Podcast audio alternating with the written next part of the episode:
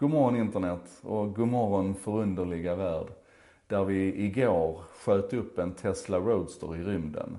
En Tesla Roadster där det vid ratten sitter en, en fullskalig figur av en astronaut, av Starman, med handen på ratten och armen hängande ut genom sidorutan. Så det är ju en, en, en eh, cab.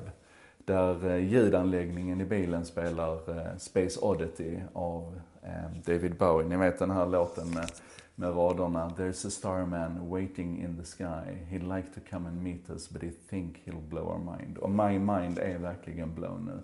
I handskfacket ligger naturligtvis ett ex av liftarens guide till galaxen och på dashboarden sitter en skylt som säger “Don't panic”. Vi hade en sex timmar lång livesändning igår på hur den här Teslan med jorden som bakgrund eh, cirklade runt i, i omloppsbana och sedermera gav sig iväg Eh, skulle mot Mars, men det blev lite fel så att den kommer istället att ge sig längre ut i en längre omloppsbana och kommer att träffa på det stora Androidbältet. Fattar ni? Vi skickade iväg en Tesla Roadster i rymden igår. Och det här kan ju ses som galet på många sätt och det är det väl, så här mm, tankeöppnande i alla fall. Eh, och bakgrunden är följande. SpaceX, eh, Elon Musks eh, rymdbolag, kommersiella rymdbolag som har skördat stora framgångar med Falcon 9 och med, med sina återvinningsbara raketer som, som sänker kostnaden dramatiskt.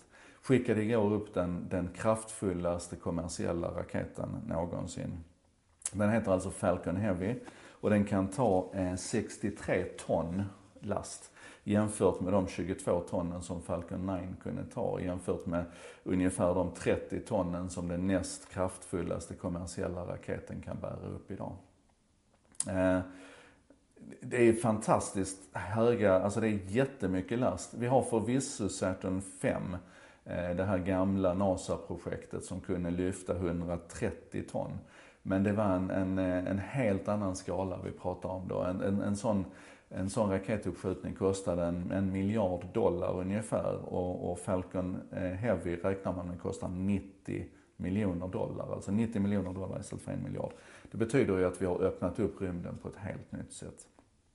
Och när han lanserade det här projektet med, med Falcon Heavy och sa nu ska vi skjuta upp den här, så sa han också då Elon Musk att vi ska lasta den med det fånigaste man kan tänka sig. Och, och det har varit mycket fram och tillbaka om man skulle skjuta upp den här Tesla Roadstern eller inte. Men nu har man i alla fall gjort det. Och man kan säga att det är en, det är en naturligtvis en PR-kupp, men det är också, jag menar man var tvungen att lasta den med någonting och man kunde inte ha en kommersiell last. För sannolikheten att en första uppskjutning ska gå åt pipan är ju så gigantiskt stor. Så man var tvungen att lasta den med någonting och varför inte passa på att lasta den med en, en Tesla och skoja till det lite grann. Jag menar det är, det är det som jag blir så fascinerad av i hela den här historien också. Det är hur vi, hur vi idag har ett helt annat, i alla fall möjligheten till ett helt annat förhållningssätt i rymden. Och kan vi driva utvecklingen så hårt i den frågan, tänk då hur vi kan driva utvecklingen, hur vi ser utvecklingen drivas i så många frågor som, som faktiskt är, är mycket enklare och mycket billigare. Eh, vi får väl också sammanfatta, hur gick det då för Falcon Heavy? Och det är ju tre, tre raketer i, i, det, i det grundläggande steget så att säga. Alla tre är det tänkt att man ska återvinna. De två sidoboostrarna, ni måste gå in och titta på nätet. Fantastiska bilder när de landade på landing ground 1 and 2. Helt i synk. Eh, fantastiskt magert. Ett, ett otroligt stycke ingenjörskonst. Eh, den tredje raketen, den som man kallar för Center Core, den skulle då landa på den här drönarflottan som, som ligger ute i, i vattnet och, och försöker pricka den här raketen. Och det var ju det man hade så mycket trubbel med när det gällde Falcon 9. Och man hade så väldigt dramatiska bilder på när den landade och föll och, och sådär. Det här missade man helt. Man missade med, med 300 feet, vad är det, 100 meter ungefär. Eh, och det blev en, en jätteexplosion och, och sådär. Eh, och det är ju så. Det är, alltså man måste testa de här grejerna, man måste göra misslyckandena för att lära sig. Och det har vi varit inne på tidigare en sak idag när vi har pratat om Falcon 9. Eh, och sen var det ju då det här att man skulle skicka den här Teslan mot Mars, men man, man brände alltså lite för mycket krut och den har fått för mycket fart. Den kommer att få en, en längre omloppsbana så att den kommer alltså landa i asteroidbältet istället. Men jag hoppas vi får möjlighet att följa den. Jag ska också säga att, att samma dag som, eh, som SpaceX sköt upp Falcon Heavy så försökte Mad Mike skjuta upp sin hemmabyggda raket för att visa att jorden är platt. Så där är vi alltså. vi har verkligen en, en polariserad eh, värld och en polariserad eh, rymdutforskningsvärld just nu.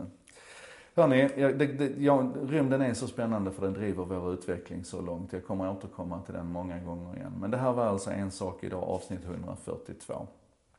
Det skapades av mig, Joakim Jardenberg, med stöd från Bredband2 Contentor. Bredband2 är internetoperatören som gillar internet, precis som jag tror på teknikens möjligheter. Och många snackar med Bredband2 lyssnar, bland annat genom att hjälpa till att sprida En sak idag. Sprida det goda samtalet runt oss. Contentor arbetar med redaktionellt innehåll som är skapat särskilt för internet med texter, översättningar och med marknadsföring i moderna kanaler. Och så ser de då till att vi fram emot lunch ungefär får både svensk och engelsk text på En sak idag. Tusen tack till Bredband2 Contentor och tusen tack till er som hjälper till då och deltar i det här samtalet så att vi kan lära tillsammans. Kommentera, sprid och häng på. Och så ses vi imorgon igen på ett helt annat ämne. Tack för idag.